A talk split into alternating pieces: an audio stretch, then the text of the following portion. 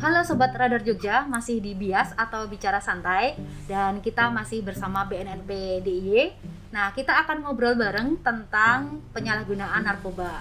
Dan narkoba ini memang jadi salah satu momok yang sangat menakutkan sekali ya, terutama bagi generasi muda penyalahgunaan narkoba ini dapat membawa risiko yang besar terhadap kesehatan. Jadi tidak hanya fisik saja tapi juga kesehatan mental gitu. Nah, kita akan ngobrol bersama narasumber kita dari BNNPDY dan ada dari STAN juga. Apa kabar nih? Gimana kabarnya? Alhamdulillah baik Mbak Reren. Oh betul sekali apa yang dikatakan Mbak Reren tadi bahwa narkoba itu sangat sangat uh, merugikan bagi tubuh kita baik fisik maupun mental kita gitu. Iya. Oke sebelum lebih lanjut kita ngobrol, kayaknya tadi Mbak Rena minta kenalan nih. Iya kenalan dulu. Nama saya Elmi Puji Astuti, saya sebagai penyuluh narkoba uh, BNNP Daerah Istimewa Yogyakarta. Saya di bidang pencegahan. Dan ini kebetulan hari ini saya bawa temen nih uh, aktivis uh, anti narkoba anti narkoba dan penggiat kita hmm. yang dibentuk tahun 2020 dia masih sangat muda sekali. Muda sekali ya. Iya, Milenial banget ya. Iya, masih. Uh, bisa kenalan sendiri nanti. Oke. Okay.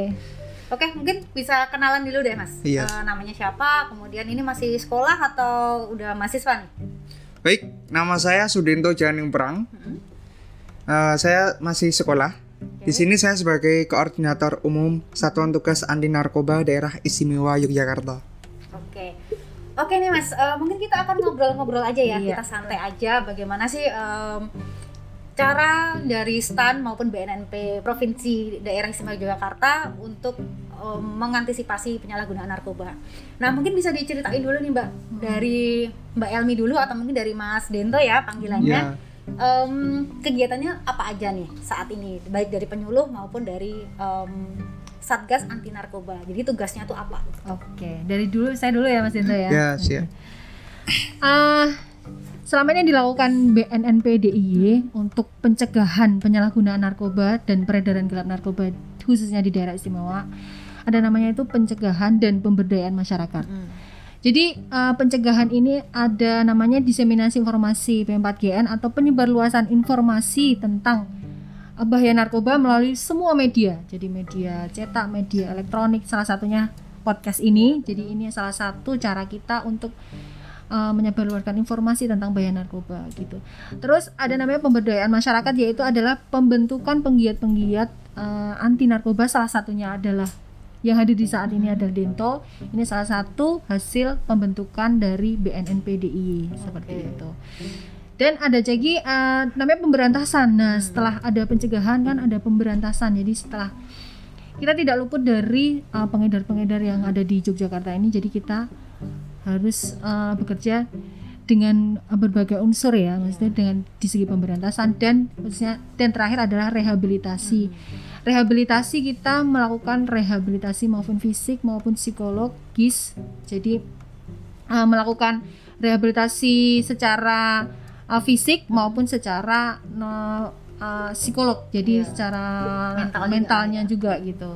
Oke oke. Karena memang tadi ya bahaya narkoba tadi tidak kalau udah kecanduan atau adiksi iya. ini udah parah banget ya mbak hitungannya ya. Sebenarnya kalau uh, adiksi itu kan ada step-stepnya ya mbak. Jadi dijelasin lebih uh, panjang lagi. Nanti nggak cukup nih waktunya okay. di sini. Jadi nanti biar bisa langsung uh, uh, di website kita atau di Instagram kita seperti apa sih uh, proses rehabilitasi itu gitu. Oke oke. Jadi ini mungkin uh, aku juga pengen tahu juga nih kegiatannya STAN atau Satuan Tugas Anti Narkoba DIY ya. Nah ini kan kalau yang saya tahu ini gabungan ya, gabungan dari sekolah-sekolah yeah, umum. Nah ini mungkin yeah. bisa iya. dijelaskan sih sebetulnya apa sih tugas dari Satgas Anti Narkoba DIY atau STAN? Baik untuk tugas satuan untuk tugas STAN sendiri yaitu mewujudkan hubungan harmonis antar sesama pelajar dan terciptanya generasi yang berkualitas yang terbebas dari penyalahgunaan narkoba. Yang kedua, uh, kita STAN membantu tugas BNNP DIY dalam pemberantasan narkoba di kalangan pelajar. Ketiga, STAN juga sebagai wadah untuk memecahkan masalah berdasarkan asas kebersamaan, kekeluargaan, kerahasiaan, dan kebenaran informasi dengan penuh tanggung jawab.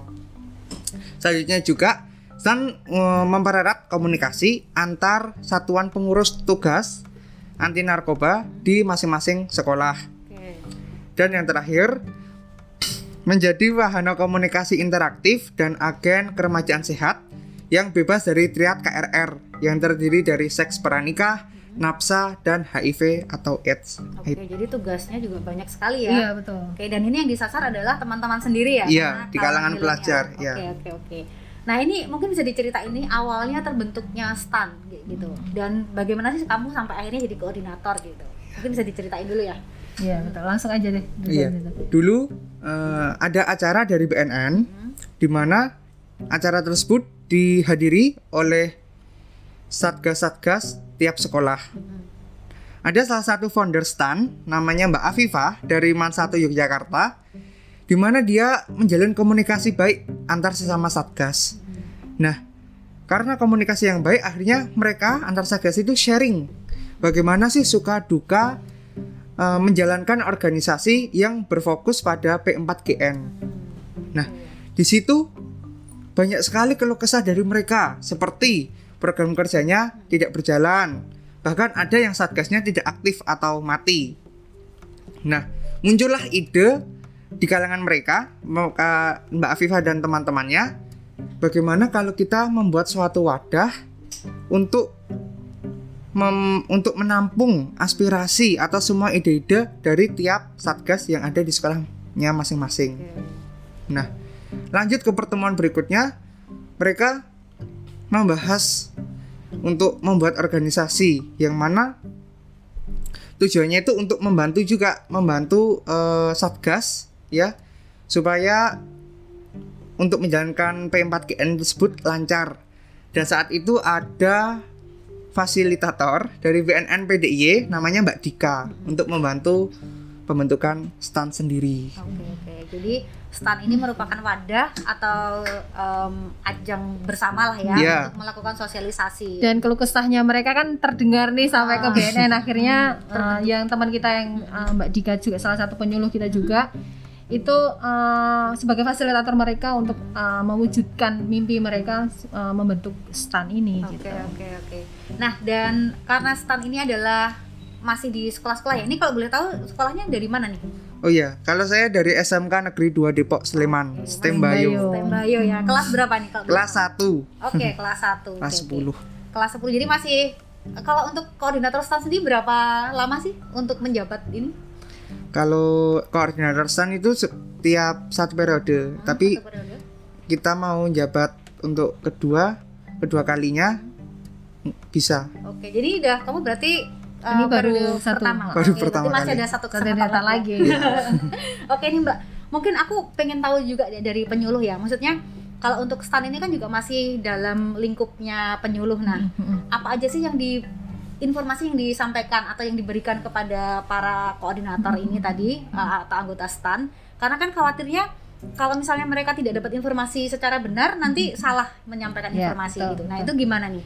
Oke, karena ini stan ini dibentuk eh, memang da- awalnya dari teman kita ya penyuluh tadi, terus otomatis kan mereka eh, di bawah sebagai kepanjang tangannya BNN ya, Hmm. kepanjang tangannya BNN untuk menyalurkan atau menginformasikan informasi P4GN atau pen- penyuluhan istilahnya penyuluhan di lingkungan mereka masing-masing. Hmm. Jadi semua informasi yang mereka sampaikan otomatis di BNN PDIY, BNN gitu. Jadi semua informasi mereka dapatkan apa yang mereka ingin informasikan ke temennya otomatis dari kita. Hmm. Jadi semuanya pasti langsung eh, apa namanya di sharing dulu ya. Misalnya Mbak ini eh, gimana kalau saya sosialisasi ke sini, bagaimana? Pasti itu akan nanti eh, tetap kita tetap eh, koordinat koordinasi terus. Kita punya WhatsApp grup ya. Iya, WhatsApp grup jadi semua uh, kegiatan mereka kita tahu Hmm. Jadi sebatas mana mereka berkegiatan gitu apakah ini uh, melenceng apa enggak uh, kita bisa pantau di WhatsApp. Jadi itu nanti juga ada istilahnya kayak semacam workshop tersendiri. ya kemarin kita betul. lapangan, jadi mereka kemarin dilakukan pelatihan khusus untuk penggiat di lingkungan pendidikan dari mahasiswa dan pelajar. Bagaimana cara berkomunikasi yang baik cara membuat materi tentang P4GN dan sebagainya. Itu dua hari ya Dento ya iya kemarin ya? dua Dia- hari.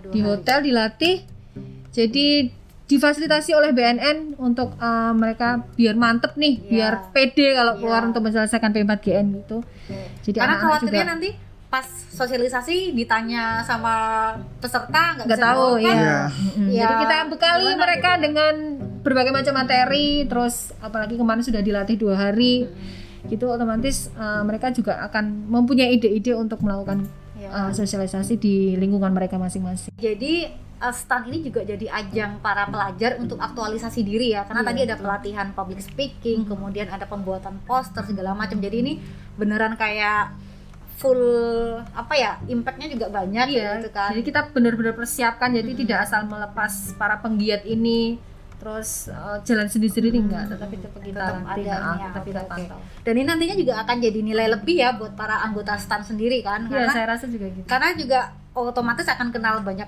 teman juga kayak gitu. Oke, aku mau tanya lagi nih. Em, ini kan sebelum covid ya. Kalau sebelum covid nih apa yang dilakukan dan setelahnya? Ini kan kalau covid kan kita nggak bisa misalnya kumpul bareng kita nggak bisa gitu kan. Terus eh, sosialisasi yang biasanya mengundang banyak orang juga nggak bisa. Nah ini gimana nih para milenial ini melakukan sosialisasi secara virtual atau seperti apa gitu? Untuk sosialisasinya kami melakukan lewat media Instagram ya dengan meng-share poster-poster mengenai COVID-19, eh, video tentang ajakan eh, tentang pemberian semangat kepada tenaga medis dalam penanganan COVID-19 ini dan melalui WhatsApp Pak, biasanya melalui WhatsApp eh, kita share-share tentang narkoba.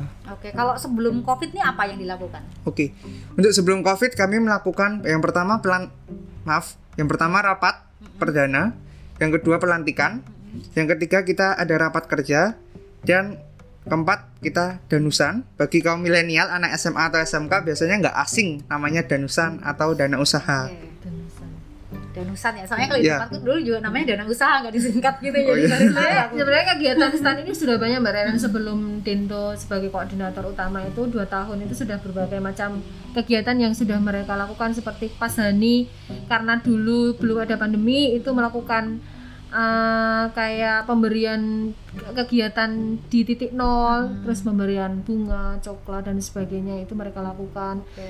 terus banyak sekali kegiatan yang sudah mereka lakukan sebenarnya jadi nanti Mas Dendo lebih kreatif lagi untuk bagaimana nih zaman sekarang yang virtual ini ya zaman Ya, karena kan milenial ya sekarang Yes, ya. heeh. Kalau mungkin kalau zaman saya mungkin em, nggak akan ada zoom meeting. kalau nggak ada covid juga nggak akan ada misalnya ya misalnya penyuluhan-penyuluhan tentang penggunaan masker itu juga masuk kan Iya, di, masuk. di stand. Oke oke. Nah kalau ini ini aku yang penasaran nih kalau untuk terutama untuk Dento ya. Kalau misalnya kamu menemukan atau ketemu teman saudara yang ternyata dia menggunakan narkoba gini. Nah, hal apa sih? Hal pertama apa yang nantinya akan dilakukan gitu? Hal yang pertama yang akan dilakukan bagi satuan tugas anti narkoba yaitu melaporkan ke pihak berwajib. Bagi saya dan teman-teman yang di kalangan sekolah, semisal menemui ada teman yang menjerat, kita laporkan ke sekolah.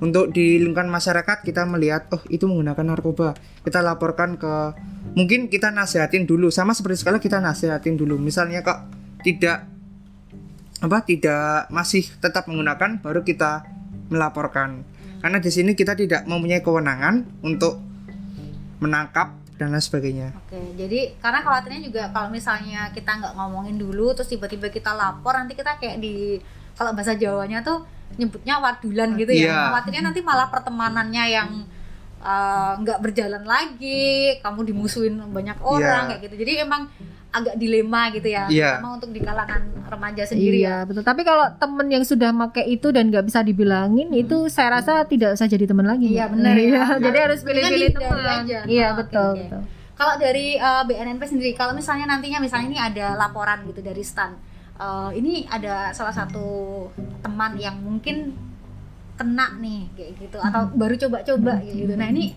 gimana nih dari BNNP untuk istilahnya eh, solusinya seperti Oke. apa gitu? kalau dari BNN sendiri kalau ada yang melapor otomatis kita akan tindak lanjuti langsung Eh, apakah itu eh, nanti nah, ke mana akan diproses hukum atau nanti tindak lanjut seperti apa tetapi pada dasarnya kalau di lingkungan sekolah biasanya sekolah itu akan melakukan deteksi dini deteksi dini itu dengan cara gimana caranya adalah dengan tes urin Mm-mm. jadi tes urin itu bukan kalau tiba-tiba kalau setahu masyarakat umum kan di diskotik tiba-tiba tes urin enggak itu. Itu hampir sama sebenarnya sidak juga. Jadi kita tidak ngasih tahu uh, ke yang di TO kan itu tetapi dari pihak sekolah sudah me- apa merencanakan bahwa nanti akan ada tes urin seperti itu. Itu dari pihak sekolah Pihak sih dari sekolah. ha-ha, kewenangan sekolah. Tetapi uh, kita juga akan mendeteksi uh, apakah nanti itu kalau sudah ke- uh, positif apakah sudah positif? Positif seperti apa? Apakah dia sebagai memang pengguna ataukah dia juga uh, pengedar? Itu akan nanti ada proses namanya asesmen asesmen itu namanya nanti akan dipisah nih apakah dia pengguna ataukah pengedar seperti itu. Jadi ada, ada nanti ada itu masih panjang banget Masih nih, Mbak. panjang oh ya masih prosesnya. panjang itu prosesnya oke, gitu Oke, Kak, eh, tadi ngomong-ngomong tentang sidak nih, Mm-mm. Radar Jogja juga pernah disidak loh. Jadi kita Oh, semua ya? tes urin, iya. Luar tes urin. Jadi pagi-pagi kalau nggak salah tahun lalu ya, tahun lalu itu berarti ya berarti sudah ngene ya sudah bebas narkoba semua kita, nih iya, ya heeh, ya. kita semua sidak kemarin kita udah yang kayak aduh khawatirnya kita apa nih gitu. tapi memang harus gitu sih mbak. Jadi kan kita nggak tahu ya sama kayak covid ini sekarang yang terjadi. Kita kan namanya OTG orang Oke. tanpa gejala. Sama narkoba itu juga sekarang kan nggak kelihatan. Iya. jadi dibuktikan dengan uh, deteksi dini itu rapid test Iya, ya, sama dengan itu. Sama kayak ini kan beberapa belakangan ini kan juga ada nih salah satu artis yang kena narkoba juga yang kalau misalnya kita lihat karirnya bagus, keluarganya juga bagus, tapi ternyata dia eh, nggak lepas juga nih dari Mm-mm. penyalahgunaan Iya. narkoba gitu. Jadi emang bener-bener narkoba ini bisa misalnya bisa menyusup ke siapa aja. Iya, gitu karena ya, kan ya. dia masuknya diem-diem jadi nggak pengumuman dong assalamualaikum Oh, kan gitu ya. ya jadi jadi otomatis uh, dari keluarga yang baik-baik dari uh, keluarga yang tidak mengenal usia tidak mengenal siapa pun dia mau pejabat mau artis mau siapa pun kalau sudah terkena narkoba dia pasti akan Oke oke. kecanduan Istilahnya kita harus hati-hati banget ya kayak gitu. Jadi jangan sekali coba-coba ya. jangan sekali coba-coba. Oke nih, oh ya Mbak, untuk hari ini ini kan tanggal 26 ada peringatan Hari Anti Narkotika Tika. Internasional ya. Nah, ini apa aja sih kegiatan yang sudah dilakukan mungkin baik dari BNNP DIY maupun dari STAN sendiri gitu. Oke, kalau dari BNNP DIY uh, dari pusat sudah ada himbauan untuk me- memperingati Hari Anti Narkotika Internasional ini dengan uh, Prahani, Hari Hahani dan Pasca Hani. Jadi kalau Prahani kita melakukan kegiatan uh, sosialisasi tentang uh, bahaya penyalahgunaan narkoba di beberapa media. Semua media kita uh, lakukan sosialisasi tersebut. Terus pas Hani kita melakukan upacara virtual. Mm-mm. Jadi nanti ada meeting dengan presiden Mm-mm. gitu. Terus eh, pasca heninya sama seperti itu. Jadi pemasangan spanduk, umbul-umbul, baliho dan sebagainya kita lakukan.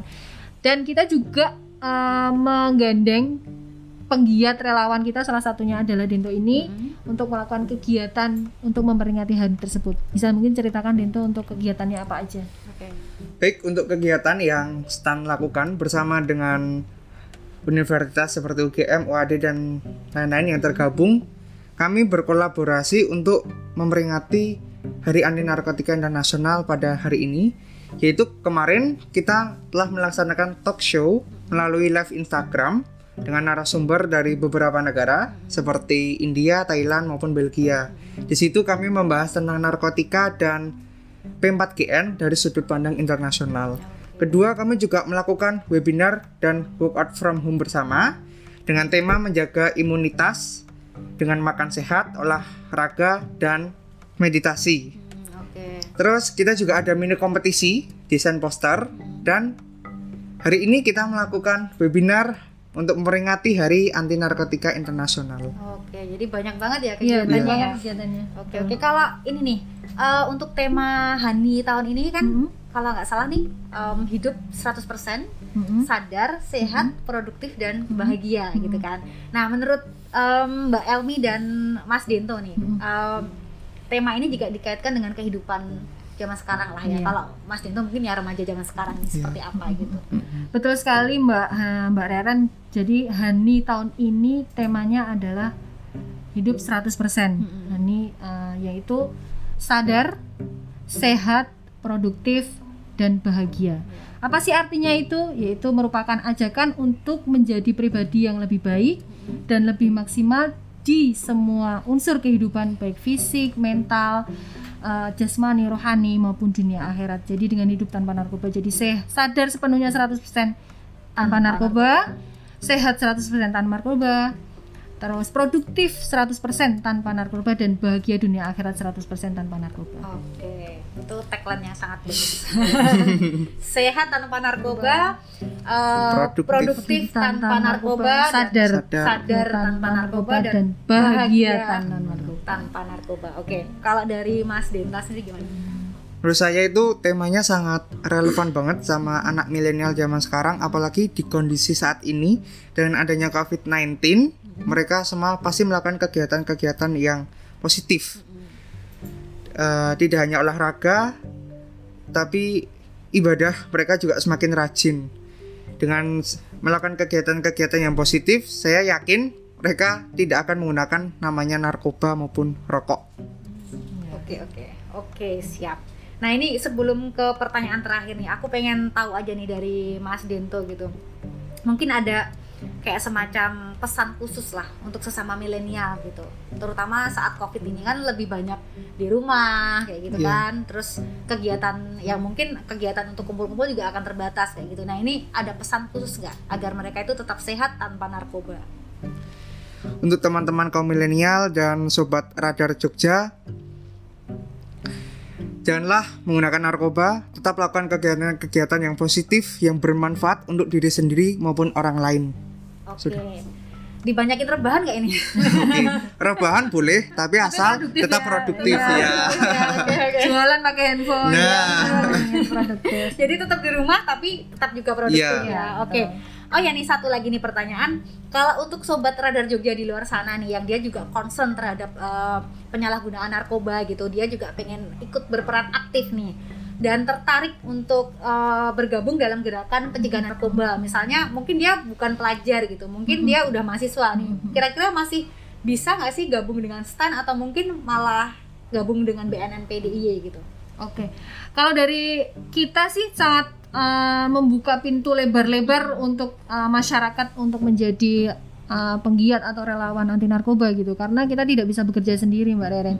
Jadi uh, kirim aja semua ide-ide kreativitas teman-teman atau sobat radar semua uh, kirim proposal. Kalau ada kegiatan yang kira-kira kok ini bagus banget nih gitu akhirnya kok nggak ada yang mensupport bisa kirim ke BNPDI proposal atau enggak langsung calling ke kita lewat DM atau lewat uh, email dan sebagainya. Nanti kita akan uh, bahas bareng-bareng gimana sih untuk kita biar uh, tidak bekerja sendiri. Jadi kalau kamu punya ide jadi relawan oke nanti kita gabung bersama-sama kita kerja bersama-sama karena peran masyarakat juga sangat dibutuhkan ya. betul itu Betul. pentingnya di situ Oke oke oke.